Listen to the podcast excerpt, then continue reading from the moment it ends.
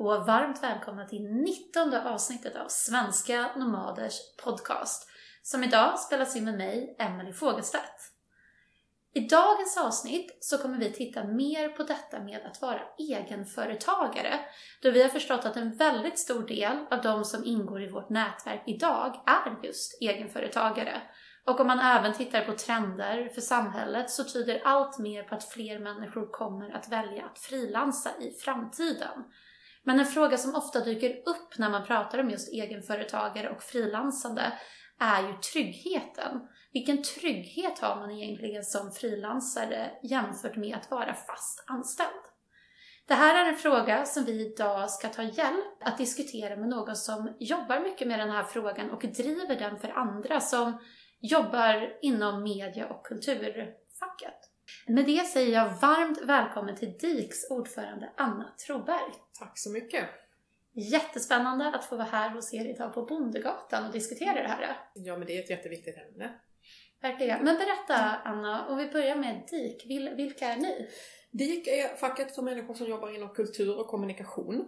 Eh, så vi organiserar många människor som bland annat bibliotekarier inom museisektorn men också väldigt många inom kommunikationsbranschen och allt fler egenföretagare. Det är en grupp som vi ser växer ganska fort. Spännande. Och hur länge, för du är ordförande för ja. förbundet. Hur kommer det sig att du hamnade här? Ja du, det, det, är en, det är en lång väg. Jag, jag kommer från kulturbranschen själv. Jag har jobbat, mm. varit chef på bokförlag. Sen jobbar jag med politik. Har jobbat med eh, Wikimedia, alltså Wikipedia, e-saker, e lärande på nätet. Eh, så jag har jobbat vid sidan om DIK väldigt länge och sen så dök den här chansen upp att få, få representera DIKs medlemmar och det är ju en fantastisk möjlighet naturligtvis. Väldigt roligt och viktigt jobb. Ja, och du sa att det är fler och fler inom förbundet som verkar bli frilansare och egenföretagare. Mm. Är det särskilda yrken eller roller som de här personerna har? Ja, alltså vi kan ju se att de, de flesta är, eh, finns väl inom kommunikationsbranschen skulle jag säga. Men det finns ju också egenföretagare inom sektorer där man kanske inte förväntar sig det på samma sätt. Till exempel inom museibranschen, arkeologer och så, och så vidare. Um, så, så det här är ju någonting som som sprider sig mer och mer. Och jag, min gissning där är att det har ganska mycket med den tekniska utvecklingen att göra. Att det är möjligt att arbeta på andra sätt och det möjliggör också egenföretagande på ett annat sätt. Ja, verkligen. Och vi, nu så handlar ju vår podd väldigt mycket om distansarbete och det är ju samma sak där att just mm. det tekniska är ju någonting som driver på det väldigt mm. mycket också. Absolut. Eh, och där kan väl jag känna ibland kanske att, den, att jag är lite förvånad över att den tekniska utvecklingen inte har, eh, har skyndat på den utvecklingen ännu mer. För det är fortfarande väldigt många företag och, som, och arbetsgivare som tycker att Nej men ska du jobba hos oss så ska du sitta på kontoret. Och det är ju, idag är ju det ofta ganska onödigt. Det är väl bara att man träffas ibland och sådär men, men eh, hela den här idén om att man kan jobba på andra ställen, att man kan ha ett mycket mer flexibelt arbetsliv. Det är ju väldigt bra för det gör ju att man kan anpassa jobbet mer efter sina egna behov och då mår man också bättre på jobbet.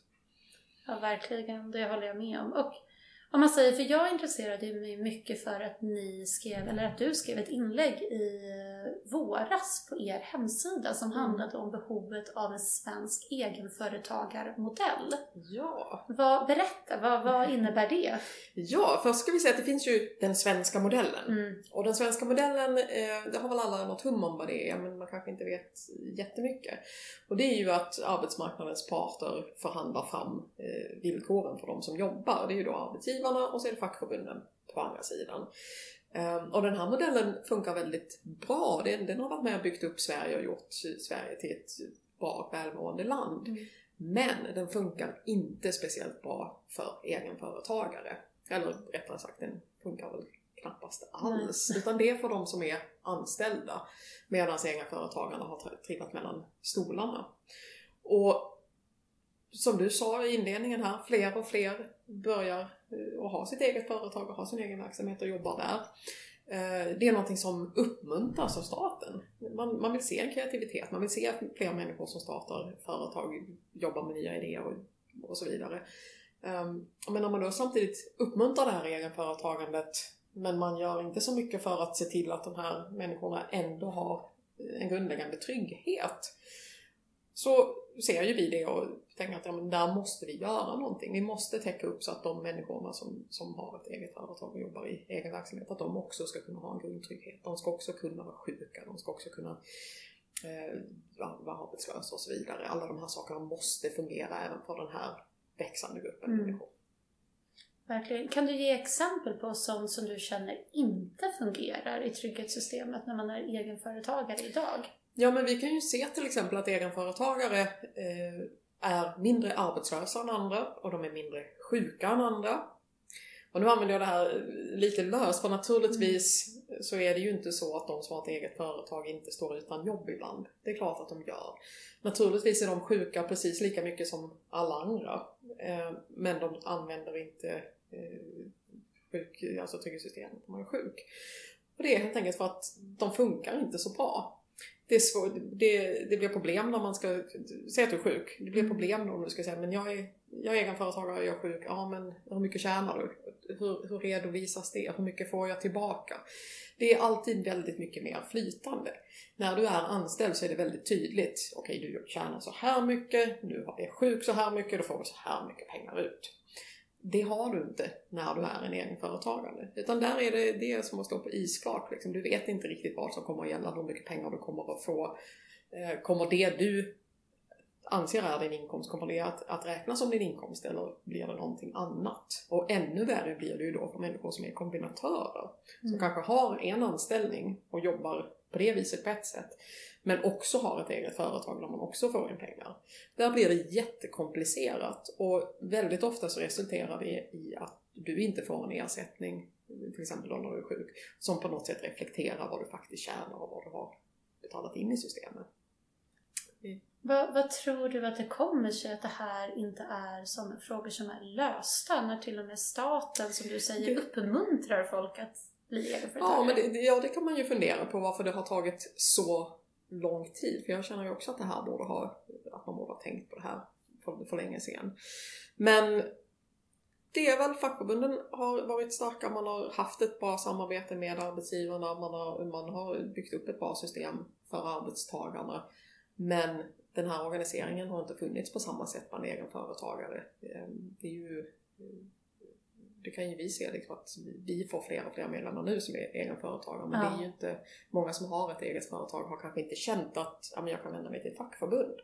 Men det kan man faktiskt göra. Vi, vi jobbar ju också för egenföretagare men det, det är någonting som, eh, som när jag är ute och pratar med egenföretagare, att de, inte, de har inte riktigt varit medvetna om det.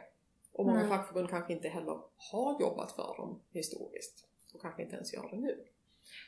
Nej men precis och jag vet att eh, i förra poddavsnittet jag spelade in så var det med en kille som sa upp sig från sitt jobb och valde att bli egenföretagare och när jag då frågade men hur tänker du kring tryggheten? Då sa mm. han men att säga upp sig och bli frilansare det är väl lika med att man inte bryr sig lika mycket om tryggheten, att mm. det inte är lika viktigt.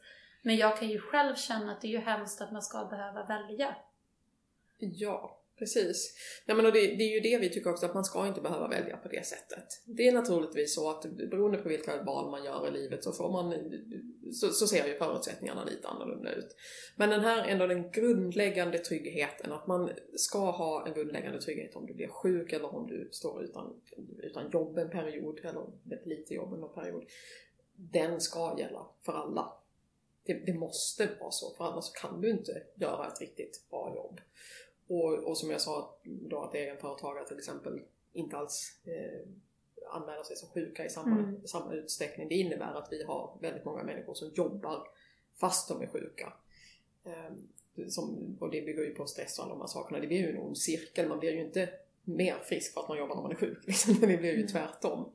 Och den, den här onda cirkeln måste vi bryta. Och då tycker jag att det är helt självklart att man som fackförbund går in och, och titta på systemen. Så här, ja, men vi har hittat ett bra system för, för de som är anställda. Då måste vi hitta ett bra system för de som har egna företag och som bidrar eh, till sitt eget liv och till samhället på det sättet. Och om man tänker att i och med att det inte ser ut så här än idag Ska man våga ta steget att vara egen idag överhuvudtaget om det inte är så tryggt? Mm. Jag tycker att man ska våga ta steget. Om, om man har en bra idé och man brinner för det, självklart så ska man våga ta steget. Men jag tycker också att man ska se om sitt eget hus och se men hur kan jag skapa mig en, en trygghet i alla fall. Eh, ett sätt är ju att bland annat då att organisera sig och se till att man faktiskt är med i ett fackförbund som, som finns där och som jobbar för att man ska få de här rättigheterna. Verkligen. Och jag tänker, för det, det finns ju olika former såklart av att vara egenföretagare. Vi har mm. ju allting från att ha ett, en enskild firma till att driva ett eget aktiebolag. Och sen vet jag även att ni har pratat om det här med egenanställning och egenanställningsföretagen. Ja, och det är ju det, det är ett annat komplicerat problem därför att eh, Eh, att vara egenanställd är egentligen inget begrepp som finns i någon sorts juridisk bemärkelse. Så det, att vara egenanställd är lite att befinna sig i, i någon sorts eh, limbo rent juridiskt. Och här blir det också problem att om du är egenanställd och eh, behöver ha hjälp av trygghetssystemen om du ska landa där. Då kan det inte förutsägbart på något sätt utan du kan gå dit och lägga fram ditt case och säga så här har jag jobbat, jag har varit egenanställd. I ett fall så räknas det som att du har haft ett eget företag. Mm. I ett exakt likadant annat fall, där det händer någon annan, så räknas det som att du har varit anställd. Och det kan ju då skilja väldigt mycket på hur din ersättning ser ut. Och det går liksom inte att förutse det här. Och det är också någonting som vi jobbar med. Det måste finnas en förutsägbarhet. Du måste veta att jag befinner mig i den här situationen, jag jobbar på det här sättet. Om jag blir sjuk eller om jag blir arbetslös eller vad det kan vara. Så, så ska det liksom vara tydligt och enkelt att se vad kommer att hända. Vilken typ av ersättning kommer jag att få och hur kommer jag att få den? Och det är det inte idag. Och där, där är det ju det är komplicerat för egenföretagare men det är ännu mer komplicerat för de som är egenanställda. Därför att där är, är regelverket väldigt luddigt. Men gud, jag glömde fråga dig i början där. Vad, vad innebär det egentligen att vara egenanställd? Ja, precis. För det, det skiljer ju sig från att vara egenföretagare. Om du är egenföretagare så har du ett eget företag, ett eh, handelsbolag eller ett aktiebolag eller vad det kan vara för någonting. Ehm, om du är egenanställd så går du, då har du fortfarande din, liksom din egen verksamhet men du går genom ett annat företag som Frilans Finans eller Good Company eller någonting sånt. Och då är det, alltså rent juridiskt så är det komplicerat. Därför att där har man inte riktigt bestämt från statens sida om du ska räknas som anställd eller om du ska räknas som om du har ditt eget företag. Och då blir det alltid en bedömningsfråga. Så behöver du hjälp av trygghetssystemen på något sätt så kommer det göras en individuell bedömning där det bedöms om du varit egenanställd eller, eller förlåt om du har varit, om du räknas som eget företag eller som om du har varit anställd. Mm. Och det påverkar ju vilken ersättning du får. Så det finns liksom ingen förutsägbarhet i det. Ser ni själva inom ert fackförbund att det är fler som jobbar just som egenanställda eller med den formen? Ja, det, det är ju någonting som har vuxit ganska snabbt under de senaste åren. Eh, så, och lite beroende på hur det lagliga läget blir för det så ser vi ju nog att det kommer att fortsätta växa och då växer ju också behovet av att det finns ett tydligt regelverk kring det här. Så att man faktiskt vet vad som gäller, att det finns en förutsägbarhet om man står inför någon typ av och jag tänker, du säger att ni inom Facketik jobbar väldigt mycket just med egenföretagare och deras trygghet. Eh, och ni jobbar just inom kultur och kommunikationsområdet. Men mm. om man ser liksom på fackförbund i stort, det känns mm. ju som att det här borde vara en fråga som väldigt många ändå tittar på nu. Ja, alltså framförallt det här med, med egenanställningar kikar ju många fackförbund mm. på. Hur, hur ska det liksom, hur, hur ska man hantera det? Men det är ju hela arbetsmarknaden håller ju på, för, på att förändras väldigt fort. Dels blir fler och fler egenföretagare, fler och fler mm, väljer egenanställningar av olika slag. Um, som vi pratade om i början, man, man jobbar på olika sätt oavsett om du är anställd eller egenföretagare eller egenanställd så, så jobbar man på, på andra sätt. Man jobbar på, kanske på distans eller ja men du vet man kan jobba mm. i ett team där alla sitter väldigt långt bort från varandra och sådär. Och alla de här förändringarna måste ju vi som fackförbund titta på. Hela fackföreningsrörelsen måste vara med här. Vi får ju vi får inte halka efter. För om vi halkar efter och inte, inte är en del av det här och inte hänger på, då kommer ju vi som fackförbund att bli ointressanta för de som går ut på arbetsmarknaden. Eh, och det är ju det är naturligtvis tråkigt för oss, men framförallt är det ju tråkigt för de som jobbar där, för att fackförbunden och fackföreningsrörelsen är en enorm trygghet. De, det är ju ändå vi som som är motparten i, i, alla, i alla förhandlingar med arbetsgivare och så vidare. Det är ändå vi som står på den som arbetar sida. Mm. Verkligen. Och jag, vi pratade ju om att man absolut ska våga ta steget att mm. vara egen eller fortsätta vara egen. Men om man nu behöver tänka mer på sin egen trygghet, absolut att man kan gå med i ett fackförbund och ha någon mm. som står upp för en och representerar mm. en. Men finns det andra saker man borde tänka på idag som egenföretagare för att skydda sig själv på olika sätt? Se över försäkringar och sånt så att, så att man oavsett vad som händer med trygghetssystemen, att du, att du vet att okej, okay, trygghetssystemen kan utfalla sig eller så. Eh, det är bara att liksom orientera sig i det. Mm. Men också se till så att man har en egen trygghet i den mån man, man kan, så att man har en grundplåt. Men framförallt så vill ju jag ändå det, framhärda i det här att det är ändå trygghetssystemen som ska fungera och de ska fungera för alla. Eh, det får ju inte bli så att man, att man som egen företagare ja, men att man faller mellan stolarna, att man alltid måste falla tillbaka på att alltid bygga upp de här. Eh, att man, man betalar in till trygghetssystemet som du sen inte får, får möjlighet att använda själv. Det, det, det är ju inte rimligt. Nej, jag håller med. Jag har som sagt var själv drivit eget i åtta och ett halvt år och jag har aldrig sjukanmält mig för jag har inte tänkt Nej. på hur men jag gissar att du har varit sjuk under de här åtta åren och du har ändå jobbat liksom. Det, st det stämmer bra så det känns ja. som att det är någonting som kanske ja, är så för ganska många, att man ändå drar sig från det. Jo men absolut och det är just det här att, att det är oförutsägbart, det är krångligt, det är, alltså det finns, det finns så många sådana vägbumpar på vägen där och vi vill släta ut dem så att det, det ska bli lika enkelt för de som har ett eget företag att använda trygghetssystemen som det är för alla andra. Hur lång tid tror du att det kommer ta innan och det är lika tryggt? Det där är ju så svårt och polit politik tar alltid tid och politik mm. måste ta tid för annars blir det otrygg politik. Ja. Det måste liksom få gå igenom kvarnarna. Uh, men nu så har ju ändå regeringen tillsatt några utredningar som är inne och sniffar på de, på de här områdena. Så det finns ju ett intresse. Vi jobbar för det. Um, det finns andra fackförbund som också är intresserade av de här frågorna. Så att man ser ju att det börjar bubbla upp till ytan, men då gäller det ju också att hålla det där och hålla, hålla diskussionen vid liv och, och vara där och vara aktiv och påverka så mycket man kan. Jag menar, de, vi kommer ju följa de här utredningarna naturligtvis och se vad som händer där och komma med våra inspel. Men sen tar politik tid, det är, det är helt omöjligt att gissa. Men ju snabbare desto bättre i det här fallet, för det är ju trots allt människor där ute som eh, hamnar i väldigt otrevliga situationer när det inte fungerar. Och så ska vi inte ha det längre än absolut nödvändigt. Nej. Nu är det här kanske inte en fråga ni jobbar med så aktivt, men jag vet mm. att en annan sak som många i vårt nätverk som liksom får dem att dra sig lite från att våga ta steget, det är just det att det är så svårt att veta hur man ska få uppdrag mm. om man är egenföretagare. Mm. Är det någonting som ni också går in och rekommenderar eller som du har några tankar kring i stort? Hur man faktiskt får att gå runt och hur man får jobb?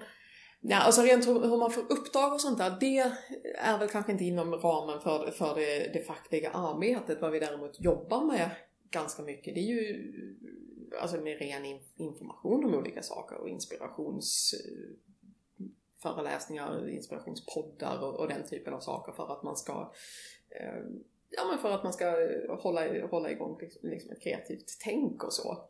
Men sen så är det ju svårt för oss att gå in och säga att si och så mm. skaffar man ett uppdrag eller, så. Men, men um, vi, vi, vi försöker ju ändå vara, um, vad ska vi säga det, ja, men lite spindeln i nätet, vi försöker skapa nätverk, skapa möjligheter för människor som jobbar inom samma sektor att träffas och så vidare. Jag menar det är ju alltid en bra början. Så kan man jobba därifrån. Har du några inspirerande exempel på personer, utan att nämna namn behöver du inte mm. men på personer inom i ett nätverk som har lyckats eller som har en väldigt spännande och inspirerande frilansberättelse? Oh, jag har svårt att komma på något specifikt. Jag skulle vilja säga att det finns väldigt många intressanta och inspirerande frilansberättelser. För jag menar, det är ju... Jag skulle vilja säga att varje människa som tar steget och är så modig att ta steget och, och liksom släppa det där trygga och invanda för att, för att våga satsa på, på någonting annat, satsa på någonting man själv tror på. Eh, jag tycker att varje sån berättelse är extremt inspirerande. Eh, och som sagt, det vi gör nu med att eh, försöka täppa till de här hålen i trygghetssystemet är ju ett sätt att hjälpa fler att våga ta det steget, att bli inspirerade av varandra. och, och hoppa ut där och försöka göra någonting. Okej, men om vi har personer som nu ändå sitter och lyssnar på det här och känner sig inspirerade, som är precis i början av att bli egenföretagare eller som kanske har varit det men kanske inte rent mm. konkret tagit tag i allt det praktiska man kanske borde tänka på än. Mm. Har du, vad, vad, är dina tips som man borde liksom sätta sig ner hemma och liksom säkerställa att det här har jag gjort för att trygga upp mig själv mm. och också säkerställa att allt praktiskt kommer att fungera? Ja, det är ju läs på vad det faktiskt innebär att vara egenföretagare, vad det innebär med trygghetssystem och allting sånt där. Eh, se till att ha en bra försäkring på plats. Tänk på pensionen. Jag vet att det är när man är kanske 25, 30, 35, man är ganska ung. Pensionen känns jättelångt bort men det går snabbare än man tror. Så se till att, att ha någon lösning på plats där. Eh, håll koll på eh, alla kontrakt och sånt ni skriver under och liksom se till att det är solida grejer så att ni inte åker på en smäll i efterhand. Utan trygga upp så gott det går. Och sen också organisera er fackligt. Eh, kom jättegärna till DIK. Vi jobbar för att de här trygghetssystemen ska fungera för, för egenföretagare. Men även här och nu, gör vad ni kan för att säkra upp nutiden och framtiden. Tack så jättemycket Anna för att du tog dig tiden att prata med oss. Ja, men tack själv. Och tack till alla er som lyssnade. I vanlig ordning så finns det mer från oss på svenskanomader.se. Tills nästa gång vi hörs, ha det så jättebra. Hejdå!